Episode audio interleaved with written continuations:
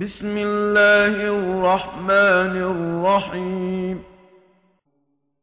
قل هذه سبيلي أدعو إلى الله. على بصيرة أنا ومن اتبعني وسبحان الله وما أنا من المشركين.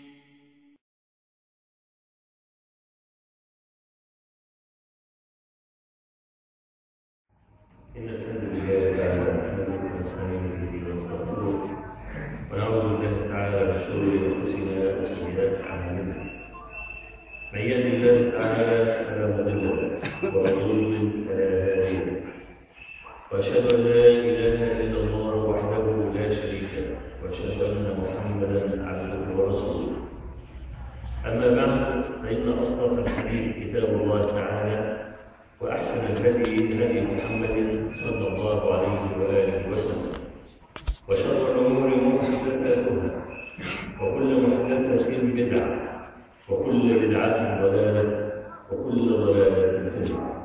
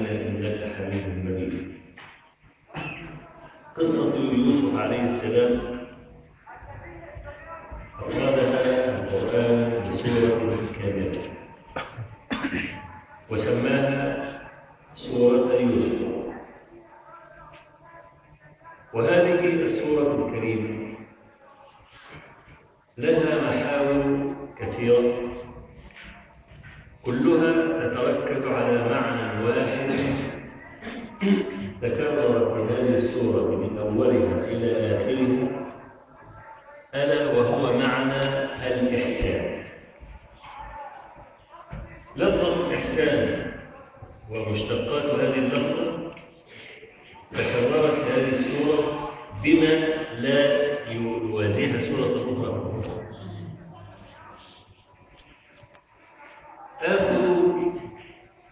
محورا من أهم هذه المحاور التي دارت السورة.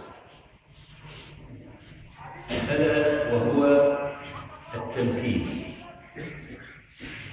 التمكين كما هو واضح من الكلمة مأخوذ من كلمة من كلمة المكان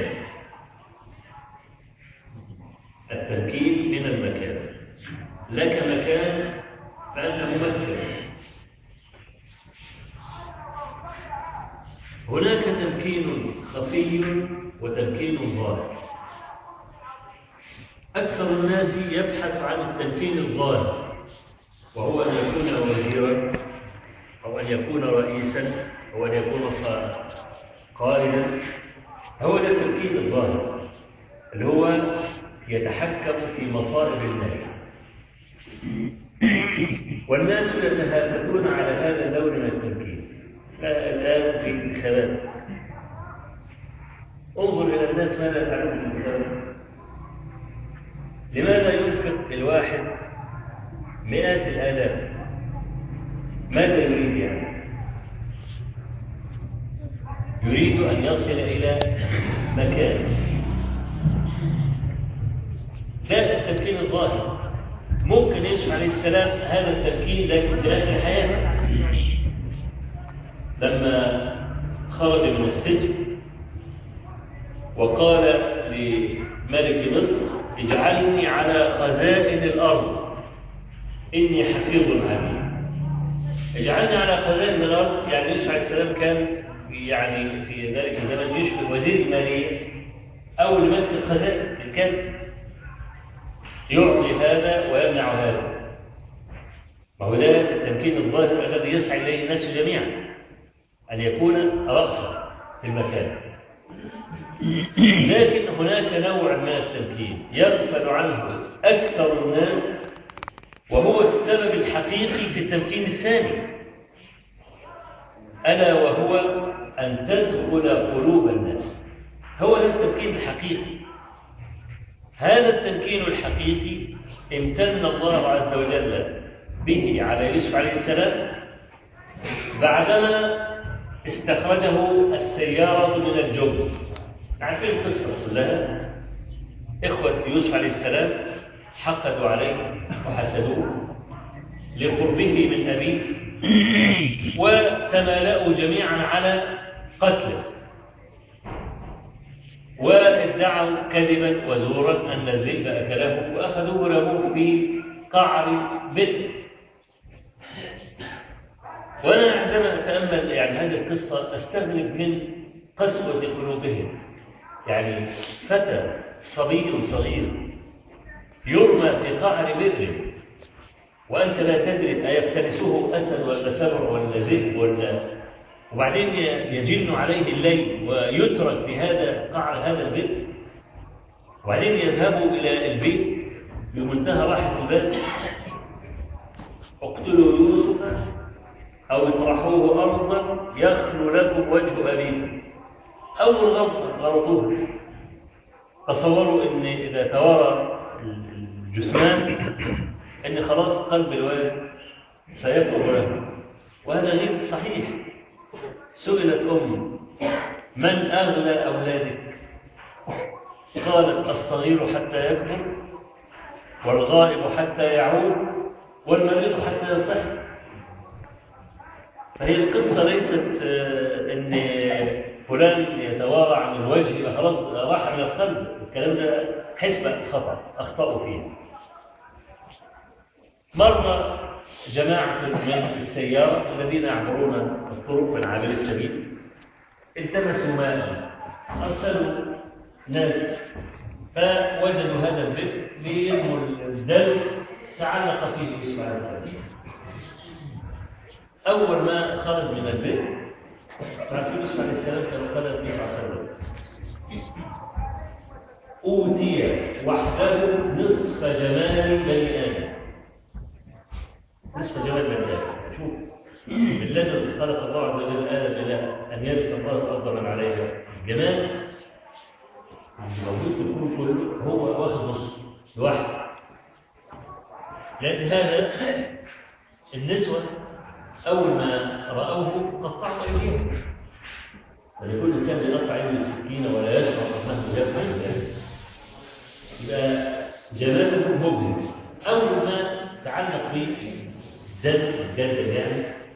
ورأوه قال يا بشرى هذا غلام. وأسروه بضاعة يعني عشان يقدروا يبيعوه بثمن زايد لكن بكل أسف باعوا هذا الحر بثمن بخس دراهم معدودة تعرف الحاجة لما تجيلك ببلاش؟ أي ثمن فيها أحسن منها لأنك لم تبذل فيها شيئا. دخل هذا الصبي قصر العزيز. أول ما امرأة العزيز شافته فرحت به وقالت عسى أن ينفعنا أو نتخذه ولدا. فربنا تبارك وتعالى قال بعدها مباشرة وكذلك مكنا ليوسف. طب هو فين التفكير؟ بهذا الحر اللي هو النبي عليه الصلاة والسلام وصفه قال الكريم ابن الكريم ابن الكريم ابن الكريم. يوسف ابن يعقوب ابن إسحاق ابن إبراهيم. هذا الحر الذي ورث النبوة بيع بثمن بخس أي تمكين له؟ التمكين الحقيقي أنه دخل قلب العزيز. ودخل قلب امرأة العزيز. هو ده التمكين الحقيقي. لذلك نقول إن أي إنسان يتصدى للدعوة إلى الله سبحانه وتعالى على أساس أن الدعوة إلى الله سبحانه وتعالى هي أشرف المناصب جميعا. لا يوجد منصب على وجه الأرض يساوي شرف هذه الدعوة إلى الله لأنها منصب الرسل. ما جاء الرسل ليعلموا الناس كيف يأكلون وكيف يشربون إنما جاء الرسل ليدلوا الناس على الله سبحانه وتعالى.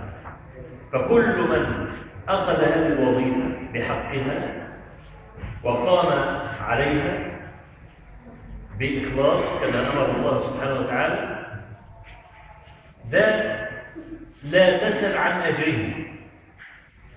النبي عليه الصلاة والسلام يقول الدال على الخير كفاعله. يعني أنت إن دللت إنسانا على خير كأنك فعلت هذا الخير. فكيف إذا وعظت الناس وعلمتهم الإيمان بالله عز وجل أو اتباع النبي عليه الصلاة والسلام؟ إنسان ضال اهتدى بكلامه. هذا الرجل الذي اهتدى بكلامه في ميزان حسناته دون أن ينقص من أجره شيء. تصور كلمة واحدة منه ممكن يهتدي بها الملايين. بكلمة واحدة لا سيما في هذا الزمان زمان الفضاء المفتوح. تطلع على قناة فضائية وعلى التلفزيون أو الكلام. تقول كلمة يسمعك الملايين في جنبات الأرض. أنت لا تدري من الذي اهتدى بهذه الكلمة التي قلتها أنت. كل إنسان يهتدي بكلامك أنت قسيم له في الأجر تخيل يعني لو إن لو أن رجلا أخلص نيته لربه في الدعوة الله عز وجل هل يوجد إنسان أكثر أجرا من هذا الإنسان؟ لا أعلم إنسانا أكثر أجرا من هذا الإنسان الذي يدعو الناس إلى الله سبحانه وتعالى.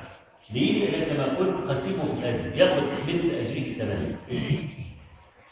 فإذا صحت النية ولم يكن ثمة رياء ولا سمعة ولا تفاقر ولا منصب يريد أن يصل إليه كان يقول يقال عالم إنما أخلص نيته لربه سبحانه وتعالى فأشرف منصب على وجه الأرض هو منصب الدعوة إلى الله سبحانه وتعالى.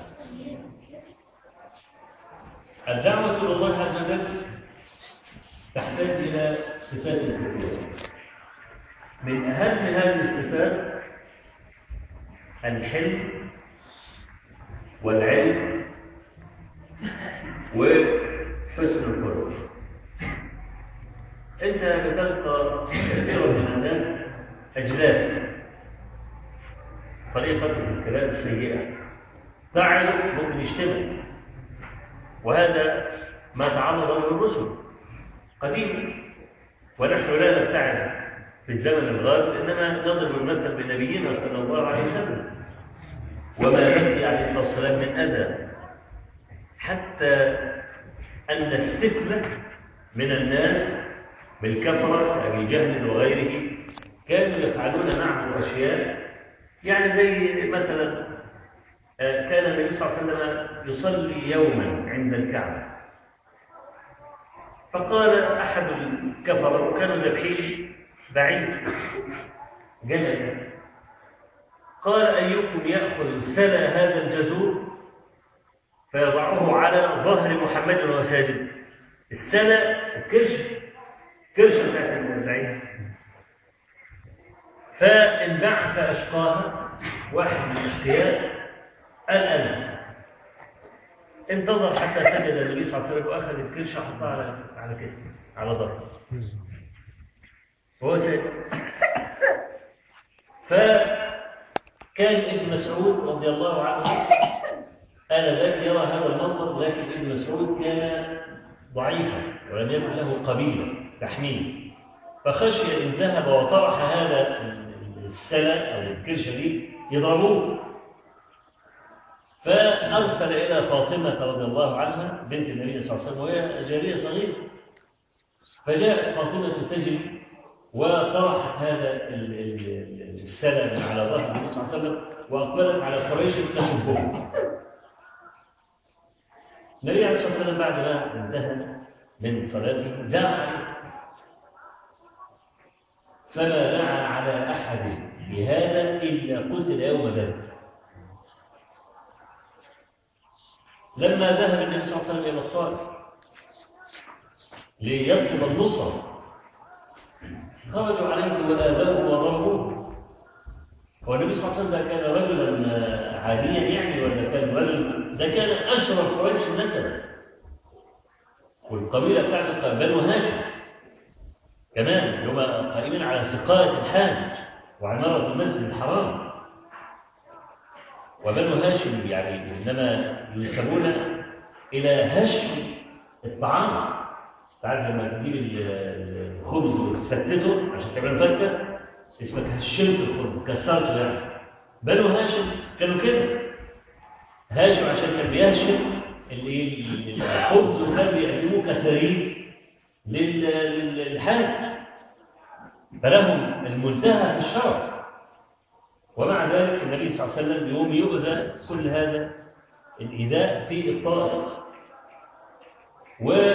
وملك الجبال يتبدى له ويقول له إن ربك سمع قول قومك لك وقولك لقومك وأنا ملك الجبال وقد أمرني أن أطبق عليهم الأخشبين إن أردت الأخشبين أخشبان جبلان عظيمان الملك. ده ملك الجبال. يعني الجبال بالنسبة له زي الورق على طول يضم الجبلين على بعض. كل اللي بين الجبلين حياتهم تنتهي مباشرة. بس انت اؤمن قل اطلق عليهم الاخشبين فقال عليه الصلاة والسلام بل أرجو أن يخرج الله عز وجل من اصلابهم من يوحد الله لا يشرك به شيئا. آه، إيذاء النبي صلى الله عليه وسلم كان كثيرا جدا ومع ذلك كان كثير العفو والمسامحة لا يلعن أحد. هو الذي خلاه عليه الصلاة والسلام يكون على سويداء القلوب. كان يصبر على الأذى ولا يقابل السيئة بمثلها. ليه؟ لأن الناس سفراء. سفراء لدعوته يعني كان في واحد منافق مشهور جدا اسمه عبد الله بن سلول ده كان رأس المنافق بالمدينة وكان أيضا كثير الإيذاء للنبي عليه الصلاة والسلام. مرة هو راجع من غزوه بيتكلم مع واحد كده فقال لو رجعنا إلى المدينة ليخرجن الأعز منها الاذل ويقصد بالأعز نفسه ويقصد بالاذل رسول الله صلى الله عليه وسلم. في صحابي اسمه زيد بن أرقم سمع هذا الحوار. إن عبد الله بن مسعود بيقول على النبي صلى الله عليه وسلم أنا العزيز والنبي هو الذليل وان رجعت إلى المدينة لاخرجنه من المدينة. فقام واخد الكلمة وراح للنبي صلى الله عليه وسلم وقال له ده عبد الله بن مسعود بيقول كذا وكذا. فالنبي صلى الله عليه وسلم أرسل إلى عبد الله بن أبي بن سلول. قال له أنت قلت كذا وكذا فجعل يحلف بالله أنه ما قال.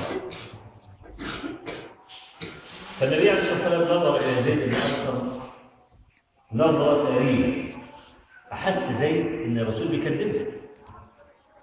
فبات بشر ليلة. عرش لأن النبي صلى الله عليه وسلم يبص له بنظرة فيها ريبه لانك أنت كذاب انت حلف حلف بالله أنه ما قال. فبات بشر ليله لحد ما نزلت الآية. لأن رجعنا إلى المدينة لفجرنا الأعز منها الأذى فالنبي صلى الله عليه وسلم أرسل إلى زيد بن أرقم وهو في البيت. قال له إن الله قد صدقك.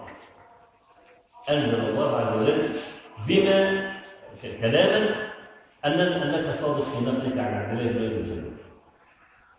طيب عبد الله بن سلول المنافق ده كان له ابن اسمه عبد الله بن بس كان صحابيا جليلا فاضلا لما عرف الكلمة دي راح يستأذن النبي صلى الله عليه وسلم يقتل أبوه. قال ده طالما أنه قال هذه الكلمة وأنزل الله عز وجل ما يثبت أنه قال هذه الكلمة ده لا يستحق الحياة. فاستأذنه أن يقتل أباه. لأنه آذى النبي عليه الصلاة والسلام. والنبي صلى الله عليه وسلم أغلب المال العين. لا يقدم لا والد ولا ولد ولا زوجة ولا أي حد على النبي صلى الله عليه وسلم عند أهل الإيمان. أهل الإيمان عندهم كده. النبي صلى الله عليه وسلم رقم واحد وأي حد يجي بعديه. فقال رسول الله وبلغ عبد الله بن عبد الله بن ابي سلول إن في ناس عايزين يقتلوا يقتلون والدهم. قال رسول الله إني لا أريد أن أرى قاتل أبي. واحد يقتل أبوي. لا أنا أولى بيه أنا أقتله. بس إنت اديني الامر ان أنا أقتله. فقال له لا ولكن بر أباك وأحسن صحبته عبد الله بن ابي سلول ده كان له مواقف كثيرة جدا وكثير من الصحابة أرادوا أن يقتلوه زي عمر بن الخطاب وزي خالد بن الوليد. فمره عمل حاجة زي كده فأراد أن يقتله خالد. فقال له النبي عليه الصلاة والسلام لخالد يعني لما استأذنه أن يقتله قال معاذ الله أن يتحدث الناس أن محمدا يقتل أصحابه. طيب هو خالد استاذن يقتل واحد ولا يقتل عشرة؟ يقتل واحد بس اللي هو عبد الله بن أبي سلول طب النبي صلى الله عليه وسلم جمع الكلام ليه؟ قال معاذ الله أن يتحدث الناس أن محمدا يقتل أصحابه ما قالش يقتل صاحبه إنما يقتل أصحابه ليه؟ النبي صلى الله عليه وسلم يعلم ان الناس بتزود في الكلام يعني خلي النهارده مثلا واحد في في المشهد على ما الخبر يوصل آخر البلاد هيكون القتل ميت كل واحد يزود له واحد في الستة والثلاثه فالناس طبيعه الناس إنها بتزود الكلام. فعلى بال ما الخبر ما يصل إلى الجزيرة في الآخر في أطراف الجزيرة والكلام دوت يبقى ما قتلش لا واحد ولا اثنين ده قتلهم كلهم. ممكن يصادف بقى إن في واحد في حواشي الجزيرة بعيد خالص عزم أن يركب بعيره وأن يذهب إلى النبي صلى الله عليه وسلم ويؤمن. أول ما يوصل الخبر بقى نازل ذبح في الصحابة الحمد لله ما رحتش. بدل ما كنت رحت كان ذبحني زي ما ذبح الكلام ده والناس كلها كما قلنا تستسلم لهذه الزيادات الشائعات والكلام فالنبي عليه الصلاة والسلام لما قال معاذ الله أن يتحدث الناس أن محمدا يقتل أصحابه راى المساله الناس بتزود الكلام طيب أي إنسان يأتي كداعيه إلى الله سبحانه وتعالى. تكرمه وتعامله بإحسان. وإذا أراد شيء من الإحسان بتديه عايز شيء من المساعده تديه مش الراجل ده بينطق بالثناء عليك في كل مكان. منين ما يروح وتذكر يقول لك ده إنسان فاضل ده إنسان ممتاز. ليه؟ أكرمني وأحسن نزلي له البيت ضيفني. ها؟ وبيت عنده ووصلني يبقى اذا كل الناس يمكن أن يكونوا سفراء لدعوتك. بشرط أن تدخل قلوبهم. إذا دخلت قلب الناس دخلوا في سجن تعال تسجن واحد بمزاجه أحسن إليك. ولله در من قال ليس هناك حمل أثقل من البر. من برك فقد أوثقك ومن جفاك فقد أطلقك. عايز تكتب بني آدم؟ وتربطه؟ وتربط لسانه؟ وما يعرفش يسيء إليك ابدا؟ أحسن اليك هو ده معنى الكلام الجميل. ليس هناك حمل أثقل من البر. من بر فقد اوثقك كتفه. تقول لولا لو أنت أسأت إليه يوم من الأيام يقول لك لولا انه عمل لي كذا أنا كنت عرفت فإحسانك إليه هو الذي منعه أن يوصل السيئة إليك. وإحنا عندنا في صلح الحديبية موقف جليل في هذا المعنى. كان النبي صلى الله عليه وسلم لما طلع عشان يأخذ عمر الحديبيه هو وأصحابه محرمين واخذوا ساق الهادي رايحين المسجد الحرام. قريش علمت إن النبي صلى الله عليه وسلم جاي والصحابة كلهم قاموا واقفين في السكه قالوا انت عايز تدخل بيت الحرام لا مش هتدخل بيت الحرام. طب يا جماعة إحنا محرمون ده إحنا محرمون. وسخن الهدي كيف تصدون عن البيت أنا كده لن تدخلوا البيت إلا على على جثثنا عايزين تقاتلوا بقى؟ وأنتم محرمين والله أنتم أحرار؟ فالنبي صلى الله عليه وسلم عند الحديبية وقف. وبدأ يحصل نوع من الايه المصالحة ما بين قريش يعملوا مفاوضات يعني.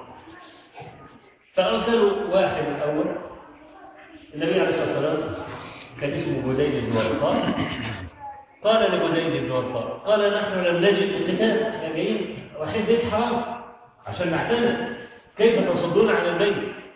إذا حبيتوا إن إحنا نعمل هدنة ممكن نعمل هدنة عشر سنين. طبعا الحرب أوزارها لا نقاتلكم ولا تقاتلوننا. ونعمل هدنة دلوقتي. ونكتب المواثيق الدولية اللي تكون. بس خلوا بيننا وبين البيت. أما إذا رفضتم إحنا ندخل وأبيتم إلا القتال أنا سأقاتلكم حتى لو انفردت سالفتي لو أنا لوحدي اللي سأقاتلكم أنا سأقاتلكم. فروح أقول لهم الكلمتين دول. بدل الخاء راح قال لهم الكلمتين دول. برضه قريش لم تقتنع بالقصة. فأرسلوا واحد مفاوضات اسمه عروة بن مسعود الثقفي جاء عروة بن مسعود الثقفي وكان كبيرا في قريش. حتى أنه هو رايح يتفاوض نيابه عن قريش يعني قال ألست منكم بمنزلة الولد؟ قالوا بلى. قال ألستم مني بمنزلة الولد؟ قالوا بلى. قال دعوني آتيه أتفاوض فجاء عمر بن مسعود الثقفي للنبي عليه الصلاة والسلام. فبيتفاوض معه في مسألة دي نحن نعتمد ونعمل هدنة عشر سنين ومن آخره الكلام. فبدأ عمر بن مسعود يهدد النبي عليه الصلاة والسلام. قال يا محمد لو قامت الحرب بيننا وبينك اعلم أن حولك أوباش خليقا أن يفروا ويدعوك. يعني لا ترتكب عليهم ليسوا رجالا الجماعة اللي حواليك دول كلهم أوعى تكون متصور إن لو قامت حرب بيننا وبينك إن دول هيثبتوا دول شوية اوباش خليقا أن يفروا ويدعوك. فالكلمه ما عجبتش عروه الصديق فقال لعروة أنحن نفر وننعى أمصر بفضل الله. شتنا وحش. فبيشتم آلهة قريش. فشوفوا لما واحد يسد الدين قدامك وخرج من المفادين والكلام ده تبقى عايز. تطلع زمانها ليه؟ لأنها يسب ربك ده بقى لما سب الآلهة اللي بيعبدوها جسمه نمو عمر بن سعود سقط وسخن. بس ما يتحملش المسألة دي. فقال من هذا؟ مش الآلهة بتاعتها والكلام ده. فالنبي عليه الصلاة والسلام قال له إيه؟ قال هذا ابن أبي قحافة أبو بكر. فقال له إيه بقى؟ الكلمة بقى اللي أنا سقت القصة عشانها قال له عمر لولا أن لك علي يدا لأجبتك أنت عملت لي جميل قبل كده وده اللي منعني إن أنا اود لك الشتمه زيها.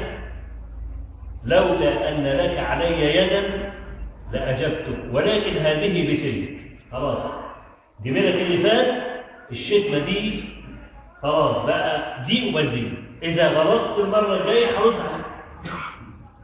ما الذي منعه أن يرد عليه بسبب إنسان؟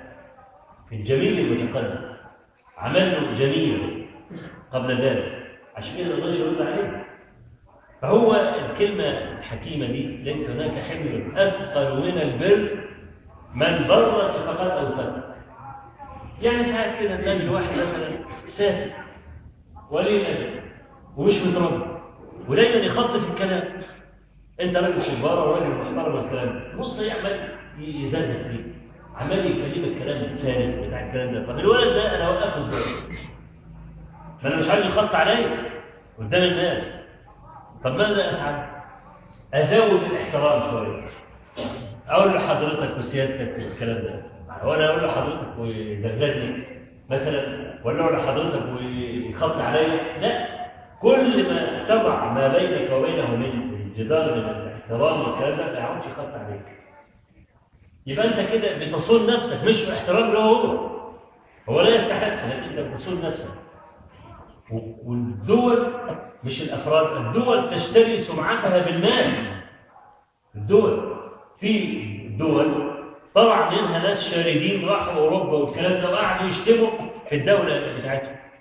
كان الصبح مثلا 30000 فاكس. تروح الصبح الشغل بتاعك تلاقي فاكس بفضائح الأسرة المالكة في البلد. ده فحبوا يوقفوه. ده فضائح كل شوية فضائح مجانا بدأوا يتفاوضوا معاه واشتروه بالمال. دفعوا له كام مليون دولار وخلاص وخلاص لم الدور. فالدول تشتري سمعتها بالمال. الأفراد يشترون أيضا سمعتها بالمال. ما تجيش تقول أنا أشرف من الشرف ولو الدنيا كلها قامت تشتم فيا أنا أشرف من الشرف. مفيش حد يصل إلى هذا. ابدا. ليه؟ لأن الناس لهم ألسن ولهم أعين. وفي ناس معاك وأنت مش محل احترام الكل ولا محبة الكل ده تحقدوا عليك. مهما كنت شريفا وكريما ومحسنا وقايد صوابعك العشرين شمع لازم تحتاج إلى أن يحقدوا عليك ولازم يعوق كده بدون ما تعمل أي سيئة. هو إحنا عن نعرف أشرف من النبي عليه الصلاة والسلام؟ طاهر الذيل كان مرة في المسجد وبعدين معتكف. وراحت بعض زوجاته صفية رضي الله عنها راحت تتكلم معاه فوقف على باب المسجد بيكلمها. وهم بيتكلموا هما الاثنين مر اثنان من الأنصار. أول ما شافوه النبي صلى الله عليه وسلم واقف مع واحدة قاموا إيه؟ أسرعوا في الخطبه فالنبي عليه الصلاة والسلام قال على رسلكما إنها صفيه يعني ما تمشيش قوي. ده ده مرات. هذه زوجته إنها صفيه فقال سبحان الله يا رسول الله. إحنا ممكن نشك فيك يعني ولا نقول مع واحدة كده ولا كده ولا الكلام ده فقال النبي صلى الله عليه وسلم إني خشيت أن يقذف الشيطان في قلوبكما فتهلكا يقذف سوء الظن. خليه أساء الظن بينه وبين نفسه كده. وأنا واقف مع واحدة أجنبية ومش عارف إيه ولا الكلام ده. مجرد سوء الظن في النبي كفر. لأنه معصوم. ومبرر. وفوق أي شبهة. ومع ذلك قال لهم على نفسكم انها صفية. عشان ما فيش حد يتصور إن هو ابن فلان ولا ابن علان ولا إنه أشرف الشرف ولا الكلام ده. لا. بنو آدم فيهم علل وعاهات نفسية. فالإنسان فاضل جدا جدا ولابد إن هو يحط الجنات كلمة مش مش جيدة والكلام فليس هناك أحد فوق مستوى الشبهات ابدا. فكل إنسان يطلب دائما البراءة لنفسه. فليس هناك حمل أثقل من البر. من بر من برك فقد أوثقك ومن جفاك فقد أطلقك. عايز إنه ينهش في عرضك ويركب في عرضك تشتمه من جفاك فقد أطلقك في عرضك. تنهش فيه زي ما انت عايز فما فيش حد ابدا يمكن أن يعرف هذه الحقيقة. ويعامل الناس نوع من الكبر ولا نوع من البطر ولا الكلام ده. لا بالعكس يتواضع للدنيا كلها. دائما التواضع والانخفاض هو مجمع الفضائل. وأنا اضرب لك مثل عشان تعرف التواضع مجمع الفضائل إزاي. أنت عارفين الجبال؟ الجبل عبارة عن مكان مرتفع والسهل مكان منخفض. لما المطر بينزل من السماء وينزل على الجبل المكان اللي بيستوعب المية إيه؟ الجبل ولا السهل اللي تحت؟ السهل اللي تحت طب السهل اللي تحت خد المية ليه؟ لأنه منخفض والتواضع دائما من الانخفاض التواضع من الانخفاض كل ما تنزل تحت كل ما تجمع فضائل فيوسف عليه السلام أول تمكين له إنه قلب عليه النهارده لو أنا مثلا دخلت أوروبا وانتوا بتحبوني ومفيش حد يرد لي ممكن اخد اللي في ايديكم بمنتهى البساطة. هو أنا لما أقول لك يلا يلا اتبرعوا كلكم اتبرعوا دلوقتي أهو اللي في جيبه حاجة يحطها هنا. بمنتهى البساطة وانت سعيد ومستمتع هتطلع اللي جيبك تحط إذا كنت انت خدت قلبي يطلع إيه الجيب ولا له قيمة. عشان كده حسن الخلق هو مجمع الدعوة إلى الله سبحانه وتعالى. حتى في الآخرة حسن الخلق ده كما قال النبي صلى الله عليه وسلم. إن العبد لا يبلغ بحسن خلقه درجة الصائم القائم. يعني أنت لو عايز تقوم كل ليل تقوم الليل كل ليل ابتداء من الساعة واحدة بالليل. لحد الفجر. وبعدين تتسحر وتصبح صايم وحياتك كلها كده. ده مشقة ولا لا؟ ده لا شك انها مشقة كبيرة. انت في الوقت اللي النوم فيه جميل ونفسك تنام والكلام ده بتقوم عشان تصلي. وفي عز الحر صايم هتموت من العطش وصايم. تخيل واحد بقى كل ليلة بيقوم ليل بطريق كل يوم يصوم النهار. طب انت عايز تدرك البني آدم ده وتدرك العمل بتاعه بس ما تتعبش التعب ده كله تجيبه إزاي قال لك الحديث ده. إن العبد لا يبلغ بحسن خلقه درجة الصائم القائم. طب احسبها لي. طالما المسألة كده احسبها لي طلع لي. دي تساوي دي. قال لك طيب أنا هفترض إن الرجل الذي يقوم الليل ويصوم النهار ما عندوش حسن خلق.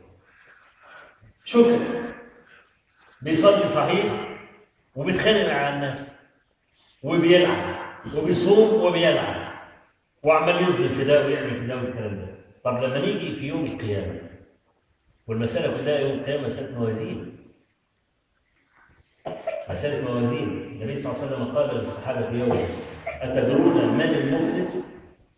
قالوا المفلس من لا متاع له ولا دينار ولا درهم. لا فلوس يعني. قال لهم لا. المفلس رجل يأتي يوم القيامة معه صيام وصلاة وزكاة معه كل حاجة من أعمال البر لكنه أتى وقد شتم هذا وضرب هذا وسفك دم هذا فيأخذ هذا من حسناته وهذا من حسناته. فإذا فنيت حسناته أخذ من سيئاتهم فطرحت عليه فطرح في النار لأن ليس هناك لا درهم ولا دينار يوم القيامة في حسنات وسيئات. أنت ظلمت واحد ياخذ يأخذ من حسناته. طب ده أنا ظلمت ده وده وده كله عمال يأخذ في حسناتي ما عادش حاجة. تأخذ من سيئاته. وتطرح عليه وتطرح في النار. خلاص؟ هو ده المفلس طيب حسن الخلق. له أعداء؟ ملوش أعداء؟ فالحسنة التي يفعلها في الدنيا تبقى في صحيفته لا يأخذها أحد. يبقى لما نيجي يوم القيامة ما فيش أنا ما ظلمتش حد عشان ياخد حسنات. ولا تفنى حسنات عشان أخد من سيئاتك يبقى الحسنة اللي أنا بعملها في الدنيا بثبتها في كتابي ما تروحش مني إنما اللي بيصلي ويظلم ويصوم ويظلم والكلام ده هو يبقى أنا بالطريقة دي. قدرت اوصل لك حسن الخلق زي اللي بيصلي ويصوم ولا كل ليل يقوم الليل وكل يوم يصوم النهار وانت بحسن الخلق أدركت درجة هذا الإيه؟ هذا الرجل مع التفاوت ما أنت حسن الخلق وبتنام. هو بقى ليل نهار بقى واقف يا صايم يا قائم إلى آخره. فإذا النبي صلى الله عليه وسلم عندما يقول إن العبد لا يبلغ بحسن خلقه درجة الصائم القائم نعرف كيف يكون ذلك؟ بأنه إذا ثبت حسناته لم يكن أحد. قل قولي هذا أستغفر الله العظيم